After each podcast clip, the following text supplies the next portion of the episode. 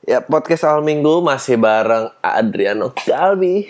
Um, 11 April 2016 uh, Dua hari setelah show hari Sabtu Talk of Life Live uh, Gue sama Aco. Make sure juga lo bakal datang hari Sabtu. Um, Itu akan ada Rindra dan Sam. I was so happy The show was great. Terima kasih buat semuanya yang udah datang, rela-relaan, hujan-hujanan. Itu padahal satu ya, terdengar seperti dua item. Udah rela hujan-hujanan, bukan rela-relaan. Apa lagi rela-relaan? Uh, udah hujan-hujanan, bayar tiket, ribet parkir, ina ini, ina itu. Some of you mungkin berantem sama pacarnya. Atau mungkin ngepromoin ke temennya yang nggak ngerti ini harus nonton siapa. Kita tuh nonton siapa sih, men? Adalah pokoknya Adri, gitu. Siapa tuh Adri? Ya, aduh, siapa ya? Um, ya, ini Aco gila banget. Perut gue sampai sakit, sampai kram. Ay, waktu gue naik tuh perut gue kram banget actually orang ngetawain Aco lucu banget. Um, ya ini semoga Sabtu besok juga lancar. Uh, ya gue sangat happy. Gue sangat gue jarang manggung sih. Manggung juga bikin panggung sendiri diundang jarang. Jadi ya gitu deh nasibnya. Kalau ada yang um, di luar kota nggak tahu ya gue sih sering ya. Gue tuh bukan nggak pengen keluar kota. Gue pengen cuma gue tuh juga nggak pengen nyusahin orang kalau misalnya bisa bayarin akomodasi tempat ya gue ada uang jajan lah dikit berapa gitu terus lu bisa yakin narik penonton buat ngelunasin itu semua gitu dan sisa buat orang-orang yang ngurusin gue sih ayo aja ya kayak nggak ribet tapi kayaknya nggak tahu deh. Um, shownya sih kayaknya um, yang jelas yang gue sama Acok kayaknya pengen kita ulang. Kita materi yang kemarin saya main di tempat lain gitu mungkin sekitar buat 50 orang kali atau 100 orang. Nanti ntar diumumin atau rencana kita kita ngebooking tempat yang lebih gede lagi berempat. Tapi nggak tahu kalau berempat tuh schedule-nya sih yang susah jadi mungkin di split dua-dua lagi kali uh, gue happy banget sampai gue nggak tahu harus ngomongin apa oh oh gue pengen nanya gue pengen nanya sama lo semuanya lo kalau habis buang air besar nih, lu tim yang langsung nge-flash apa lihat dulu baru flash? Gak kenapa ngapain sih? Ngapain gitu ada yang lihat dulu baru flash? Kan udah tahu gitu pasti bentuknya gitu, nggak mungkin disapa juga gitu. Maksud gua kalau kalau lagi keluar garing nggak nggak apa kalau ada sakit ada apa kan dari perut juga udah berasa oke gue sakit banget ya aduh nggak enak nggak usah perlu dilihat gitu you know, speaking of ini, gue tuh gue tuh there's some there's some there's definitely something wrong dengan otak gue gitu. Gue tuh terlalu gampang ke distract ya. Gue sering tuh kalau kayak di WC gitu ya. Kalau bahasa halusnya cebok tuh ada apa sih nggak sih? Gak ada ya cebok halus lah ya. halus nggak? Apa Han bunyinya apa karena apa karena cebok aja sih? Anything yang start Wipe your ass. No no. Anything yang ada C sama ada huruf E tuh kenapa selalu nggak enak ya? Gara-gara K-nya deh. Ada K, ada E, ada K ya. C ya. C ada E, ada K tuh nggak ya? Cebok gitu. Kayak sore ini gue juga gak nyaman kayak memek gitu tuh. Eh, ini kan ada dia pernah di beat, pernah di point out sama pernah di point out sama uh, comedian uh, female comedian namanya Jessica Farolan. Ini legendaris banget nih beatnya bahwa memek tuh KBBI loh. Artinya merengek. Oh. so the the proper use of it, it in a sentence adalah eh ajak dia pergi. Ah malas ya dia mah orangnya tukang memek gitu. Tukang mewek? No ini ya kita lihat ya KBBI ya. Nih kamu lihat nih. It's so inappropriate. Ya karena kita kita yang salah gunainnya. KBBI ya memek tuh merengek. Ya udah tuh arti kata memek. Jangan diulang-ulang. Merengek rengek tuh kan. Mewek apa? Me mewek justru uh, slang. Nggak ada di KBBI oh, ya udah you can start saying that. Iya nggak kenapa like... ya ada kayak uh, apa lagi yang ada e dan itunya ya. tadi tadi apa? Gue lagi ngomongin apa sih? Tuh kan gue gampang banget tuh ke distract saya cebok. Nah jadi gue tuh sering tuh ke di- jadi kalau gue eh ngeflash baru pokoknya kalau nggak cebok duluan baru ngeflash tuh gue kelupaan tuh ngeflash.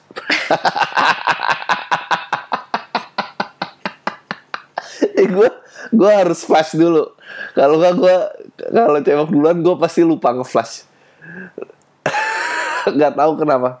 Berarti tuh gue bukan tim yang ngelihat hasilnya apa ya. Eh oh mewek itu mulai menangis. Hmm. Oke. eh anyway. Eh apa namanya? Eh ya speaking of gampang ke distract. Gue juga gitu. Gue gue gue ada problem parah gitu. Eh kalau gue jalan sama istri gue di mobil dan gue mulai terlalu bersemangat bercerita suddenly gue lupa arah. Kayak misalnya dari misalnya dari mana ya? Dari ya kita gue nggak mau sebut daerah tempat tinggal kita. Di internet nggak pernah ada yang orang internet orangnya creepy creepy totonya apa ya. ada yang lewat.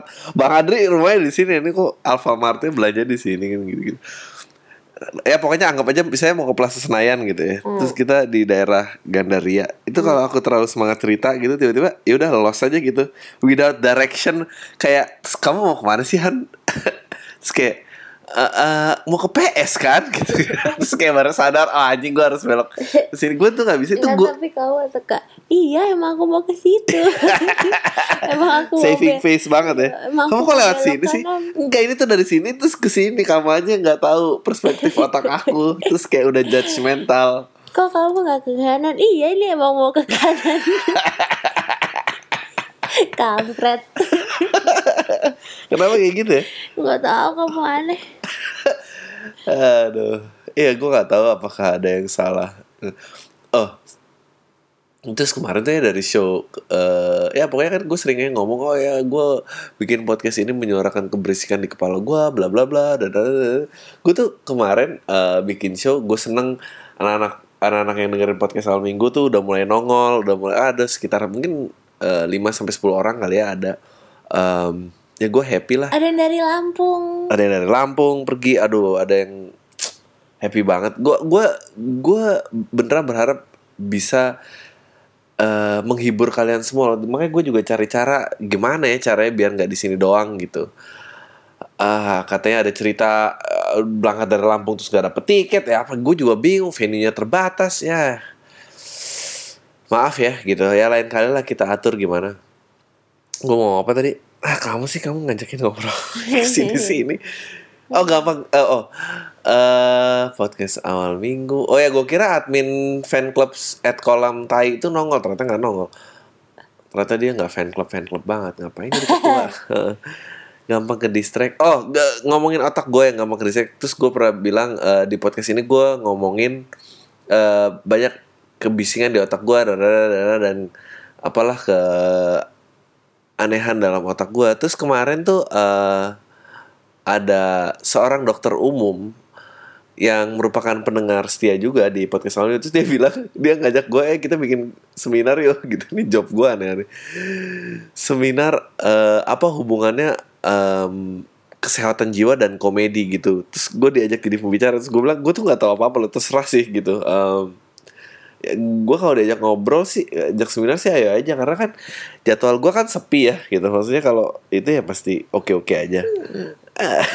Terus eh em, apakah ada atau enggak? Terus kayak terus kita cerita tentang waktu itu gue pernah ngomongin sama Aji Silarus juga gitu cerita tentang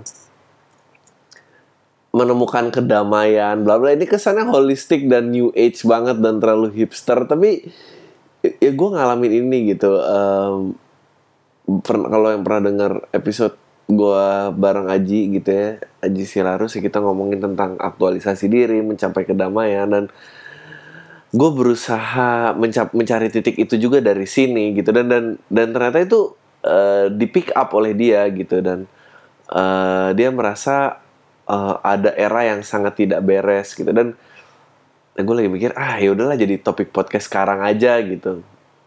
Ya gue pengen nge-share yang gue tahu sih tentang eh tentang hidup gitu. Bukan ten- bukan tentang hidup. Oh apa makna dari hidup dari atau arti hidup nggak nggak seluas itu tapi lebih ke bahwa hidup itu stres gitu. Hidup itu anxious hidup itu mencemaskan. Dan kita tuh kayak kayak kayak nggak ada yang ngajarin gitu atau bahwa oh gini loh rasanya oh ngobrol sama orang yang lo taksir tuh akan ada reaksi ini loh gitu. Dan nggak semua yang lo taksir itu naksir lo balik loh. Dan lo kalau sakit hati harus bangkitnya kayak apa dan apa. Dan gue bukan bilang sekolah tuh kayak tai atau pendidikan tuh jelek. Enggak enggak karena itu cuma kayak ya ini ini ini juga baru menjadi concern yang baru gitu even di negara-negara maju ya gitu. Em, dan gue tuh kayak ngelaluin banyak hal di area itu terus berusaha menemukan diri gue terus menemukan suara gue suara dalam artian em, opini dan jalan pikiran gue oh ya Adriano Calvini gini nih orangnya gitu. Eh, dan itu lama dan gue ngerasa eh gue ngerasa kita semakin lama gue tahu ini terkesannya main generasi dan gue nggak bermaksud seperti itu. Kita semakin lama semakin kanak-kanak gitu. Kenapa ya kayak gitu kok ada kedewasaan yang telat gitu? Terus kita nggak kenal diri kita terus kayak umur. Gue juga merasa orang yang dewasa telat gitu. Gue berharap menemukan gue yang seperti itu mungkin umur 24 atau sampai 2 28 lah paling akhir gitu. Dan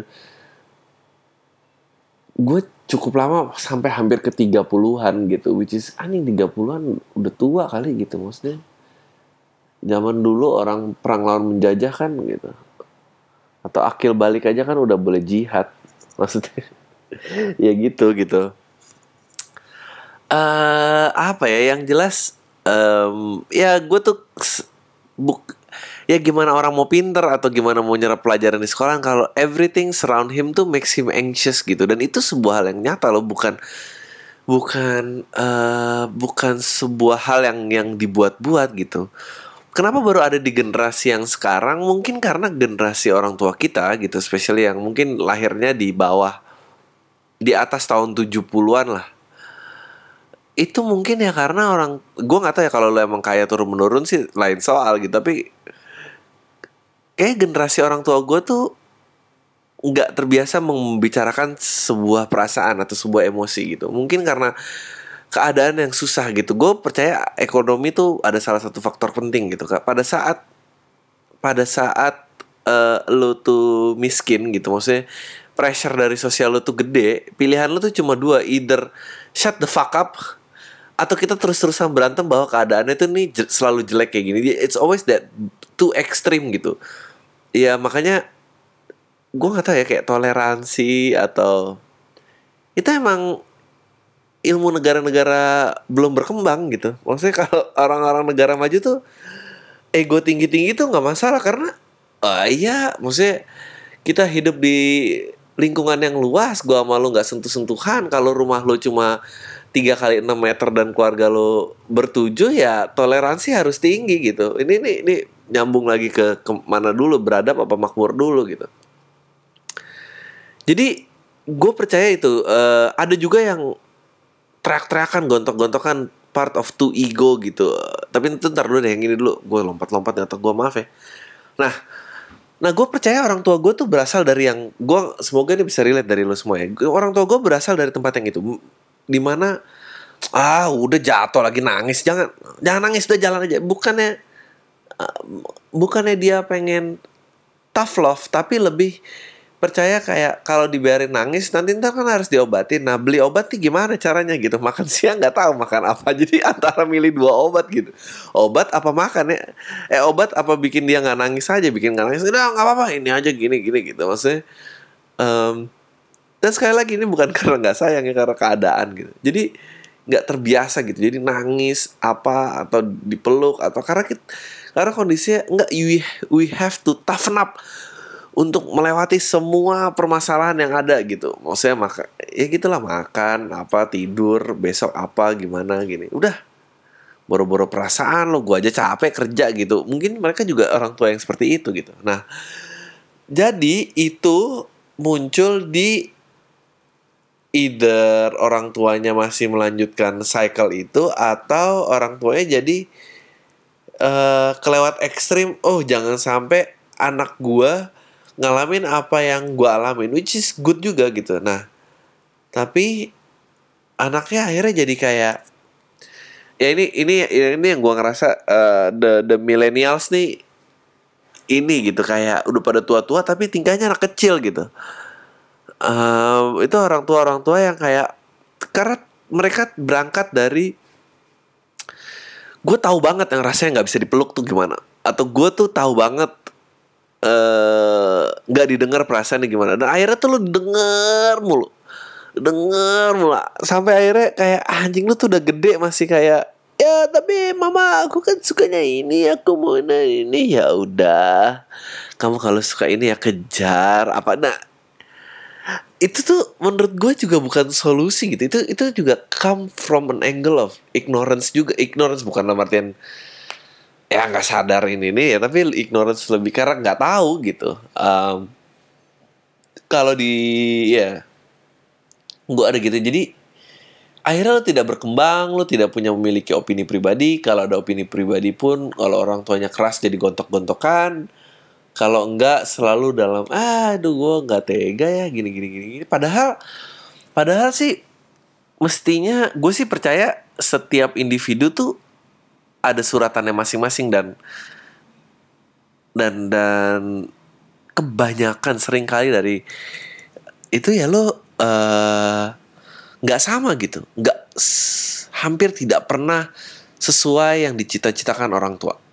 Kalau iya pun itu lo pasti dalam wujud kompromi eh gimana ya gitu anyway em, ya yang pasti tuh eh, mestinya sih idealnya ya Iya lu lihat burung aja gitu kan anaknya lahir pun untuk meninggalkan sangkar.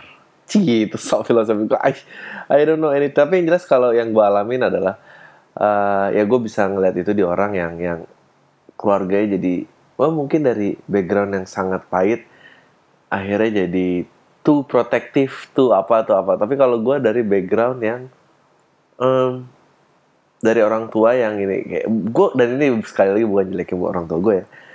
Tapi mungkin cara keras suatu di mereka itu berhasil jadi gue juga kayak oh ya udah gitu.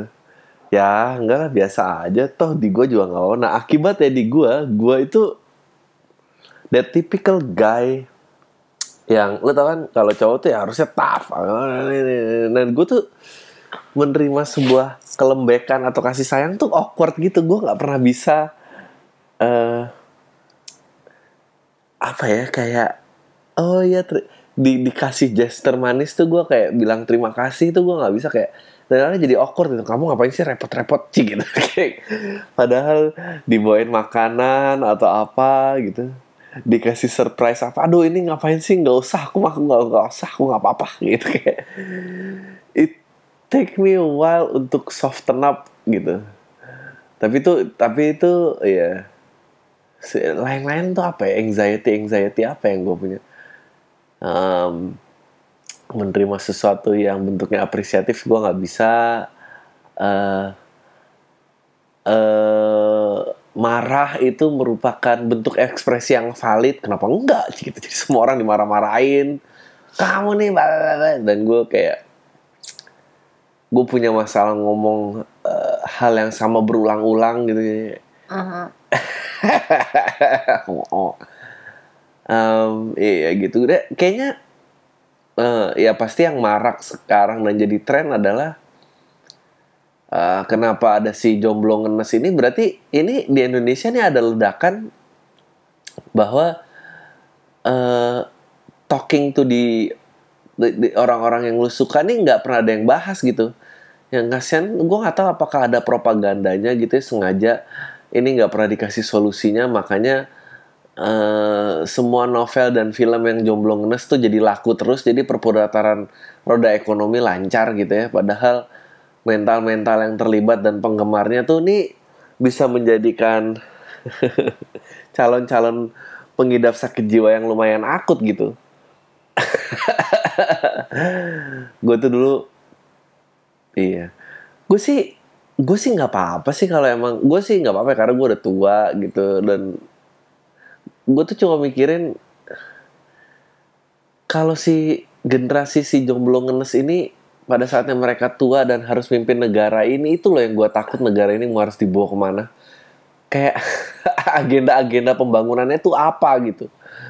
Kalau ditanya bawa presiden bawa presiden buku pertama yang bawa baca tuh apa? Aduh kalau jawaban jawabannya adalah bertopik jomblo ngenes tuh gue kayak aduh sedih banget ya gitu.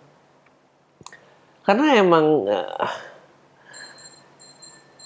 ya nggak tahu ya gitu kenapa awkward nggak pernah dibahas dan dibahas bukan nggak pernah dibahas. Nggak pernah dibahasnya itu adalah itu sebuah masalah gitu. Eh, dan akhirnya society udah terima aja gitu. Ah ya emang kalau ngomong orang yang lo suka tuh lo pasti gugup iya abis itu gugup terus apa gitu. Lu juga punya problem itu sih. Nggak kalau problem gue kayak terlalu oh nggak. Gue tuh kayak gue kayak gini.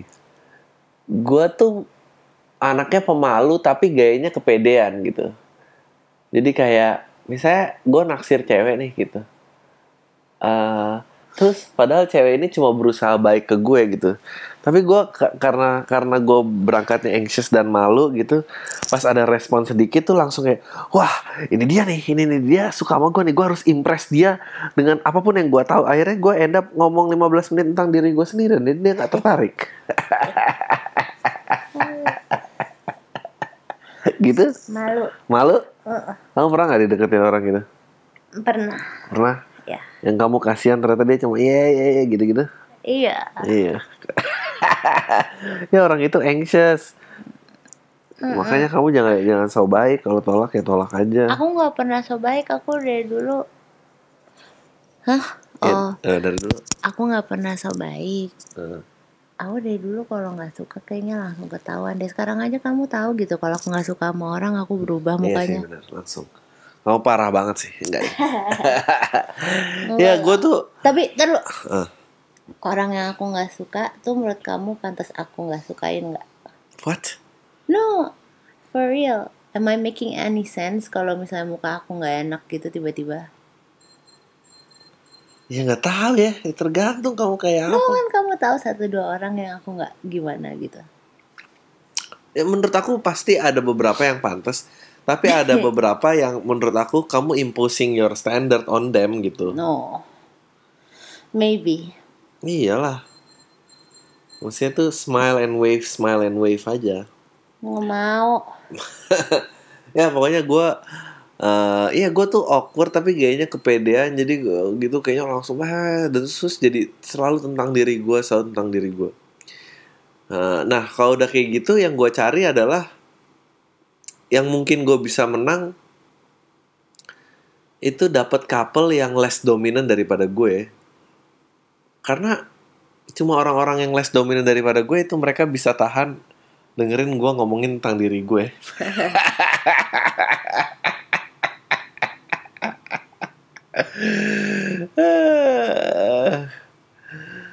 Apakah ada solusi dari masalah kejiwaan ini ya nggak tahu lo simpulin sendiri aja.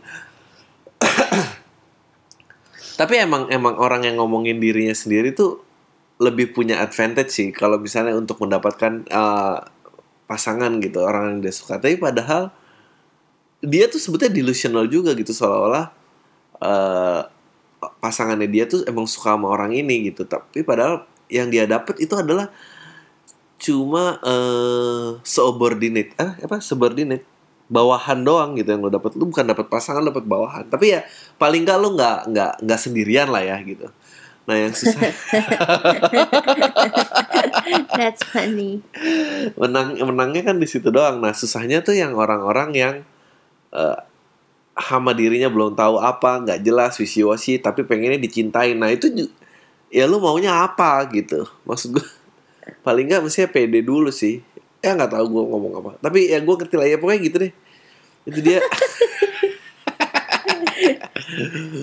Pokoknya anxiousness ini tidak pernah dibahas. Dan ini tuh eh hal yang berlarut-larut ya gitu. That's why gue nggak gue gue nggak aduh again gue pengen gue nggak pengen berasa tau tapi kayak kalau misalnya lu tau kan yang tipikal misalnya cowok sukses terus baru bandel karena kesuksesannya dia tuh untuk eh menutupi apa yang dia nggak punya dulu dan nggak bisa kejar. Makanya dia baru mau kejar itu sekarang gitu.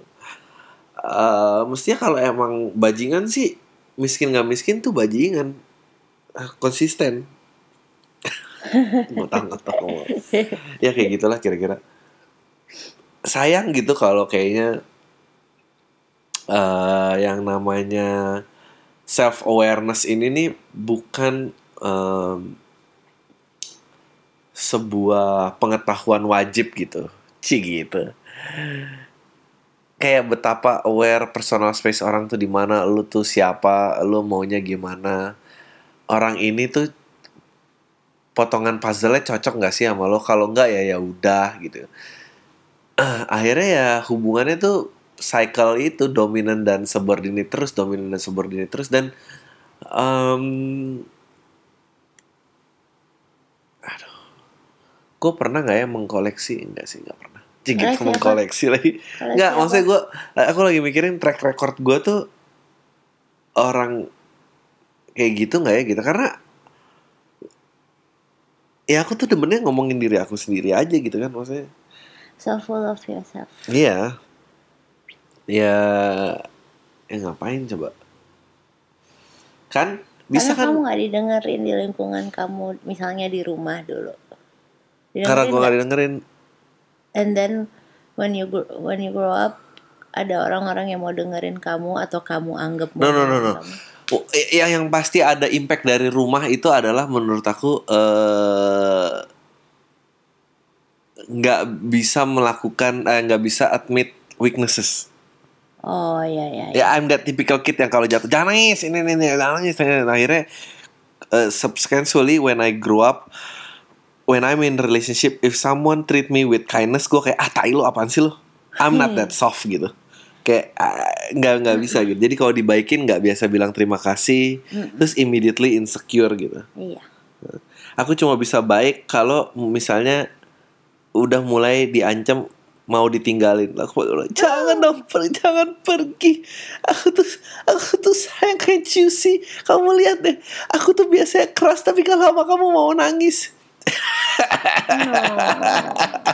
And then of course of course ceweknya nggak tega. Terus ya kita balik in the abusive relationship lagi deh ampun. Tuh gimana? Bisa kan gue topik-topik relationship dan jomblo gini Tapi kurang komersil ya? Enggak. Yang komersil tuh gimana sih biar komersil? Ya kamu sering-sering aja nonton bioskop. Bioskop apa? ya film tentang jomblo itu kan banyak. Hmm. hmm. Ah iya nggak? Ya gitu lah. Nggak masalahnya tuh nggak nggak nggak tahu ya.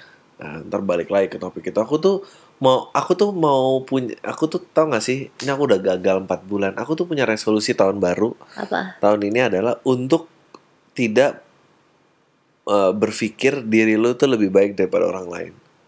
So how many times you failed? Eh udah banyak banget gitu. Kamu mancing kayak gitu aja aku tuh kayak udah mau eh enggak tadi itu masalah itu dia ngomong kayak gitu tuh nggak bener. Ini, ini dulu zaman gue ya. Oh iya ya sering banget kamu aku sering gitu. banget sering banget kayak gitu Mm-mm. dulu tuh zaman gue ADC itu ah, ya ya udahlah kalau emang generasinya mau ngeblangsak ini ini nggak apa-apa lah udah biarin aja. Ya cuma kita lihat aja Indonesia pada saat si jomblo-jomblo ngenes ini menjabat di pemerintahan apa gitu kebijakannya. Hmm. BK. Oh itu tuh. Buat perempuan tuh gue ada lagu bagus banget lo eh, cari Hideaway yang nyanyi itu Dayu. Eh siapa? Nggak tahu tapi hideaway. Ya Hideaway. Itu dia cerita tentang kayak eh dia tuh seorang perempuan yang yang anxious gitu. Dia cerita eh, pokoknya refnya tuh dia bilang where do good boys goes to hideaway? gitu di mana Eh, cowok-cowok baik tuh adanya di mana sih? Ngumpetnya di mana gitu. Kok kok kayaknya cewek-cewek yang laku tuh yang doyannya eh apa eh, kiss and tell. Cewek-cewek yang laku tuh doyannya yang mau telanjang sebelum kencan kedua gitu. astaga! Itu mah kebarat-baratan sekali di Indonesia tuh nggak ada yang kencan kedua. Kencan kedua nggak ada di Indonesia nggak ada. Tapi kalau di Indonesia tuh abis UN anak SMA terus pesta seks di hotel Kamu digerebek bilang UN lagi. UN UN ya udah ya UN ujian nasional aku Eptanas dulu Han angkatannya Oh, UN. ya ya ya tuh kalau Indonesia ya you screwing up a joke tadi tuh punchline-nya perfect banget gitu. ya udah, you can throw it again. Iya. Kita sih nggak freeze tapi itu ya. Habis tuh Anies Baswedan tuh urusin gila tuh habis SMA habis ujian nasional pesta seks di hotel digerebek lagi juga How stupid is that? ya nggak maksud gua anak SMA sih ya cekinnya masih rame-rame makanya ketawa Sama mana sih, Bi? Gak tahu beritanya ada Di Jakarta. eh di luar kota kayaknya deh Oh. Yang tahu Aku juga mau ganti kata itu. Jadi kalau di Jakarta aku mau jawabnya di luar kota. Aku Bukan nggak mau daerah. daerah. ya itu Oh. condescending. Nggak Ya. bagus. Eh, iya aku setuju. Bi, eh, ya, dua tahun lalu ada kan yang pesta kelulusan juga bikini party itu. Tau gak kamu yang flyernya sempet keluar? Jakarta, luar kota. Lupa. Iya. Nggak Makanya maksudnya kayak eh, mereka gila apa gimana sih sekarang? nggak soalnya soalnya gini loh. nah ini nyam. Barat-baratan. Enggak tapi kayak ya oke selain pendidikan wanita pendidikan seks ini juga yang menurut gue eh udah nggak bisa sih. Supresi itu emang bukan metode yang bekerja sih. Hmm. maksudnya ya, ya alam udah bikin lo mimpi basah itu ini harus ada penanggulangan ini harus diarahin ke mana gitu. Nggak bisa. Hormon meletup-letup gitu terus suruh ditekan suruh ditekan suruh belajar uji tulus ujian nasional. Ya meledak lah anak orang. I'm not saying mereka nggak punya pikiran tapi Uh, I read something so nice. Nggak tapi kalau apa? kalau aku di pacaran SMA dan ya boleh lah kita ke hotel ntar habis ujian nasional. Aku mau sih pasti. Maksudnya nggak gi- gimana nyetopnya pola pikirnya? Nggak bisa lah. Udah lah ya ini udah setengah jam lewat. Saatnya em, baca bacain email. Eh oke yang pertama. Bang nama alamat emailnya nggak usah dibaca ya. Oke Bang nanti DVD Talk of Life-nya dijual di mana atau apa nama websitenya? Kayaknya akan ada dijual di tanpa batas store kalau nggak salah deh. Em, terus DVD-nya sepaket sama bagian Semirinda tanggal 16 juga atau enggak? Kayak gue nggak tahu deh. Kayaknya dijual per artis dan lu bisa beli bundle juga. Jadi lu bisa download per artisnya atau apa ya. Lagi di luar kota nih jadi nggak bisa nonton. Hu hu hu. Ditunggu ya bang. Semoga pecah. Nanti shownya kan sekarang pertama kalinya bang ini lo DVD-in semoga abis ini lo tambah terkenal ya amin. Kalau pecah nanti pecahnya kenapa sih pecahnya P E T C H H C H A H? Pecah. Nanti gue promoin ke teman-teman gue deh bang. Tapi ntar lo jadi komik mainstream deh. Hehehe nggak apa-apa gue mainstream kalau emang aliran gue sih jadi mainstream. By the way bang, kok PP stand up 4 nggak dibuat sih bang? Terus alasannya pa, Terus alasan pasti Wana dibubarin tuh kenapa sih sebenarnya? Thanks. Perasaan gue udah sering ngomong ini deh. PP stand up 4 jadi provokatif proaktif dulu itu eh brand dari yang buat eh Iman Safei itu kan terus Pange dan Uh, awalnya acara Metro kan timnya Boim, Ragil dan uh, Panji. Habis itu dibuat format stand up-nya. Nah, PP itu ceritanya waktu itu yang pertama adalah di Erasmus Quiz, kedua itu di Energy Building, ketiga itu di tim, keempat itu sebetulnya ada tapi gini jadi sejak kedua dan ketiga itu eh itu udah bukan kedua dan ketiga tuh mulai kerjasama bareng eh, sama NGO namanya Transparency Transparansi Internasional Indonesia. Nah di mereka abis itu keempat karena orang-orangnya udah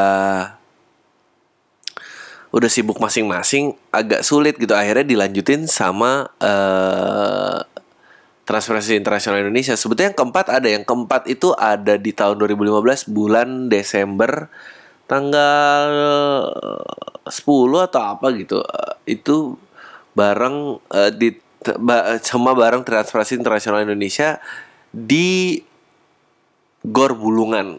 Eh enggak di Gor Bulungan, sorry di sebelah Gor Bulungan ada ada tempat pertunjukan. Nah, eh iya jadi ada keempat ada eh yang anjing yang masih main tuh gua mulu ya emang nggak ada jawabnya nih tele ya.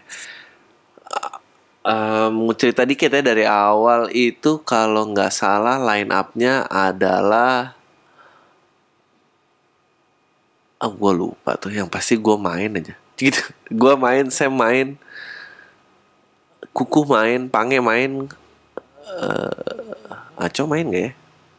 Belum nggak ya bisa di rotate terus Sam gue apa gitu. Terus yang ketiga tuh ada Ernest juga ada oh oh yang pertama tuh Akbar. Ada Akbar. Terus yang kedua kalau nggak salah masih ada Akbar juga deh. Apa enggak ya? Tahu anyway alasan pasti warna dibubarin tuh kenapa sih? Alasan pasti itu apa sih maksudnya? Warna nggak dibubarin warna orang-orangnya sibuk. Jadi eh, dan kayaknya cuma gua gitu yang yang emang paling happy di dunia perstandapan gitu.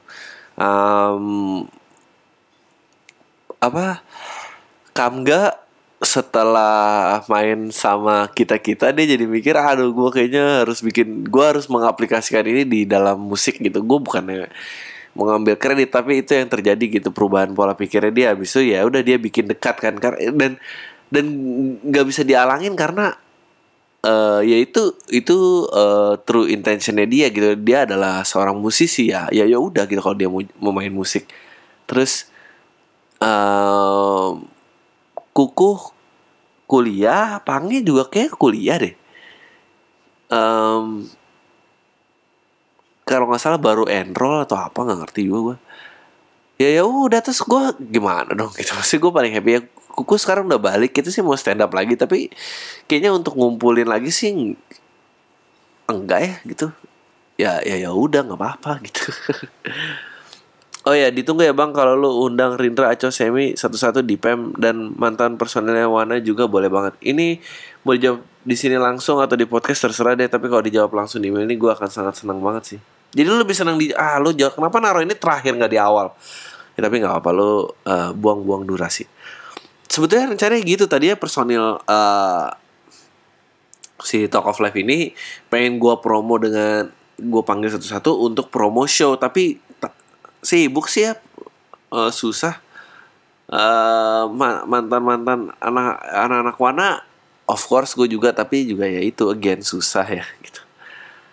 Em, next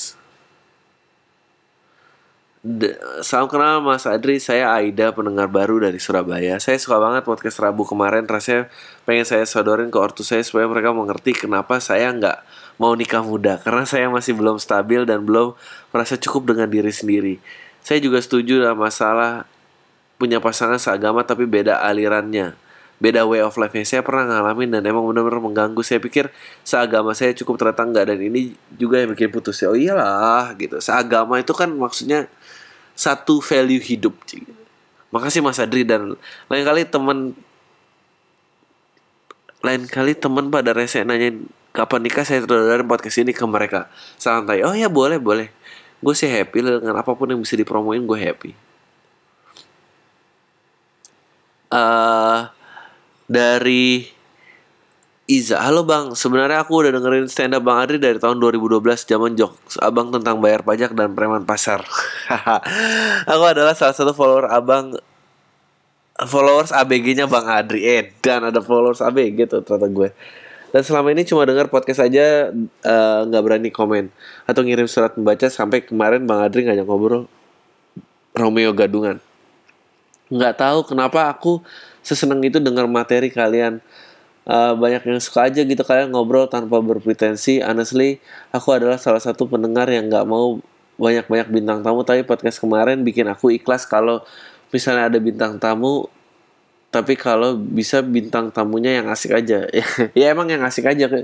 Ajak Kamga dong. Ya itu tadi juga dijawab ya. Bahas jadi bintang tamu. Aku tuh suka aku tuh tamu. Aku suka tuh kultit dan stand up media. Kayaknya bakal seru banget. Kayaknya kalau kalian ngobrol di podcast. Good luck bang buat semuanya. Sehat-sehat. Salam juga buat istri abang. Tai lu bang ya. Bye. PS aku bukan follower Romo Gadungan. Orangnya based on his SFM page. Main asik juga ternyata. Hehe oke. Okay. um, ya gue sih ini dari Gadisha hey Adrian oh uh, it's written in nggak gue nggak banyak baca boleh kok baca bahasa bahasa Inggris nggak masalah um, So I happened to jump into your podcast with Tirta this morning. First of all, I got to say that I like the way you deliver your thoughts sharing, not lecturing. It may sound cliche, but what you shared the whole hour gave me this sort of, uh, let's say, a hope, insights, enlightenment. I've been such an overthinking skeptic, which is not the perfect combo, for quite some time to the point I took literally an hour to decide what dessert is. Uh, I have and still wondered if I might regret my choice. Uh. Ya lo tuh salah satu orang yang kayak ada teman apa uh, temen gue juga gitu sering sotoy sotoy tapi dia selalu nyesel pilihannya apa gitu minum minum used to be one of those Disney kind of girls who believe that it was just a matter of time to be my the one I assure myself that there was one person made for me to stay by my side, shower me with all the flowers, poems, and every single goddamn night. Oh sayang, aku tuh paling cinta sama kamu. Aku gak bisa hidup tanpa kamu. Matamu kilaunya bagaikan. It's, God, ngapain sih lo nyari orang gitu? But then life happened and I started to refuse to accept changes of being instead in love and let my defense mechanism do all the work the I don't love him denial is just the feelings that I miss out, but not him rationalization and stuff. Uh, tajam. Um, um, sampai mana sini? Until earlier this morning, I found you and your thoughts on marriage. You mentioned, or to be exact, you believe that there's were two let's get married factor first the soulmate potential the universe conspires you to put you and her at the same time can tell if it's right place and time to get along for a while be a day a month or even 10 years and the decision your moment to decide mm, whether you want to settle down and makes it official or whatever blah blah blah blah, blah repetition is awesome. okay this thing is how life changed you as a non-marriage believer into you just have to find the one person you want to run away with and are still convinced that everything will be just fine person really got me. Uh, iya sih, maksud gue uh,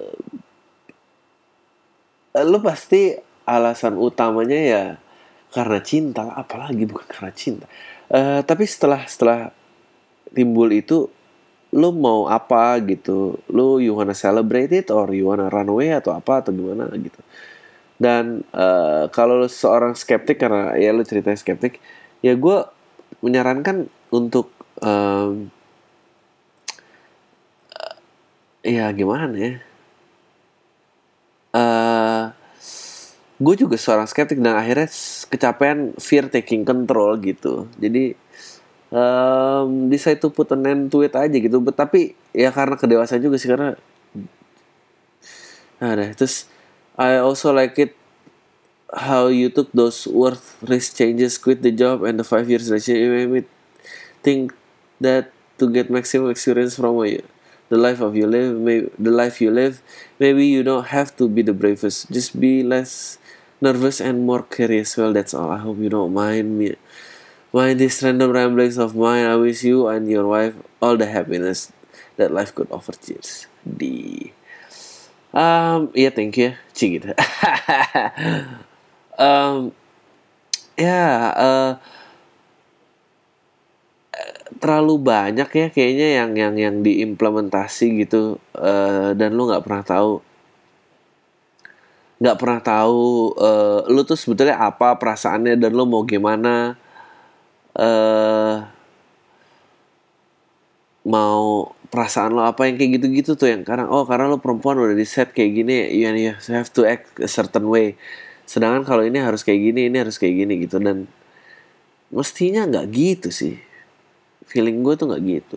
Gitu itu feeling gue again feeling dari berikut aduh capek gue gitu ngeluh-ngeluh hmm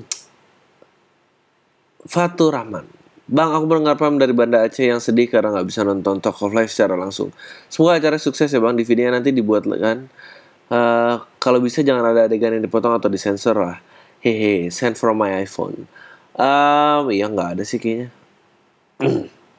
There will be akan ada soon.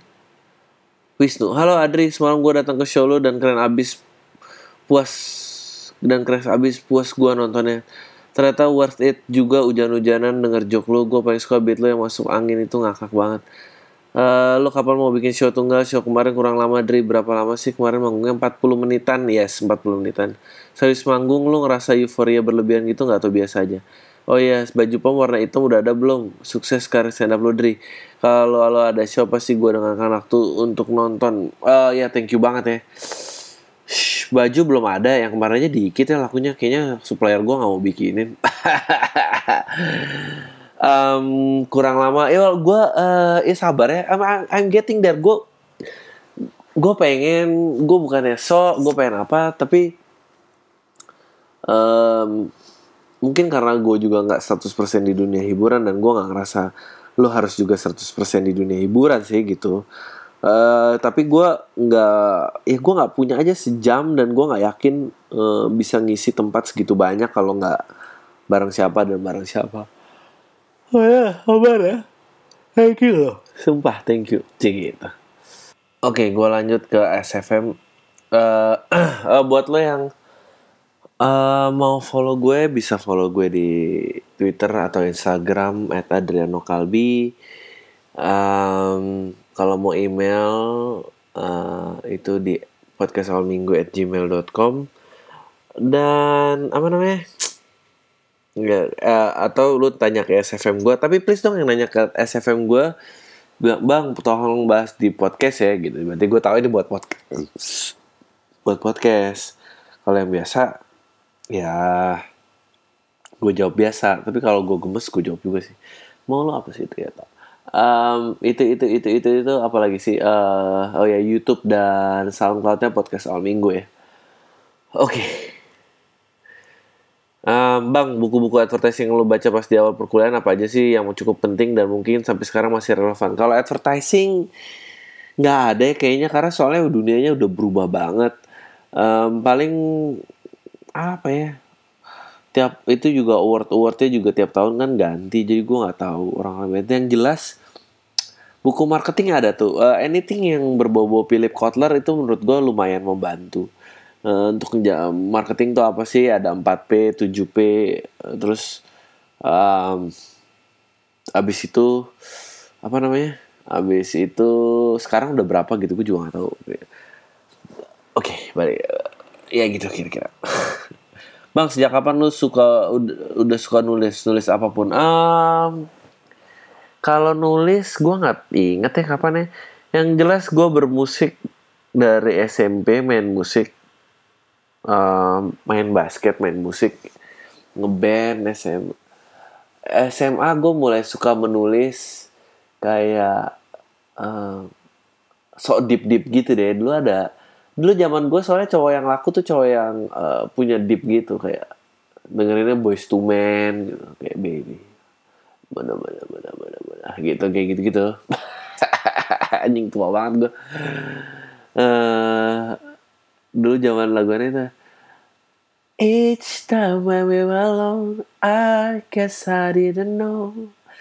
I thought we were apart. Ada lagi. Oh, yang paling juara ini sih zaman gue SMA. It came over me in a rush. J gitu band-band yang keluar tuh T5 apa ya um, kayak gitu ada.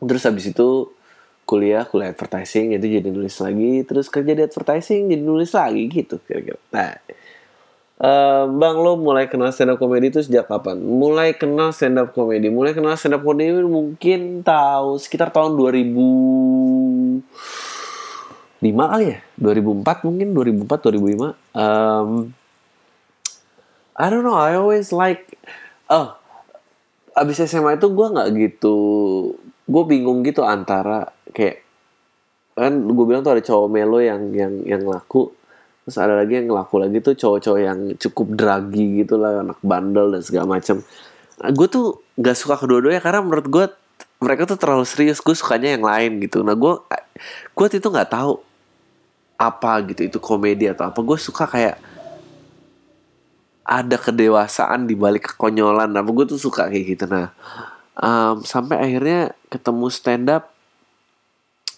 uh, terus tahun itu terus waktu itu zaman itu belum ada.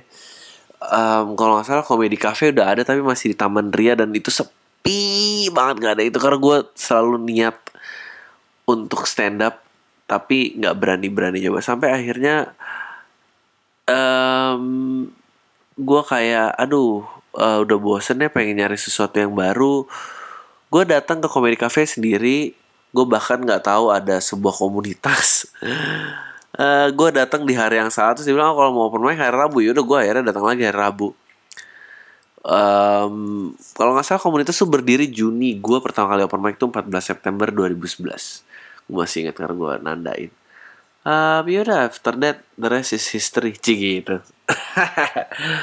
Waktu itu gue open mic pertama ya ada ditonton Panji ini ini. Eh, kalau nggak salah ada Sam juga.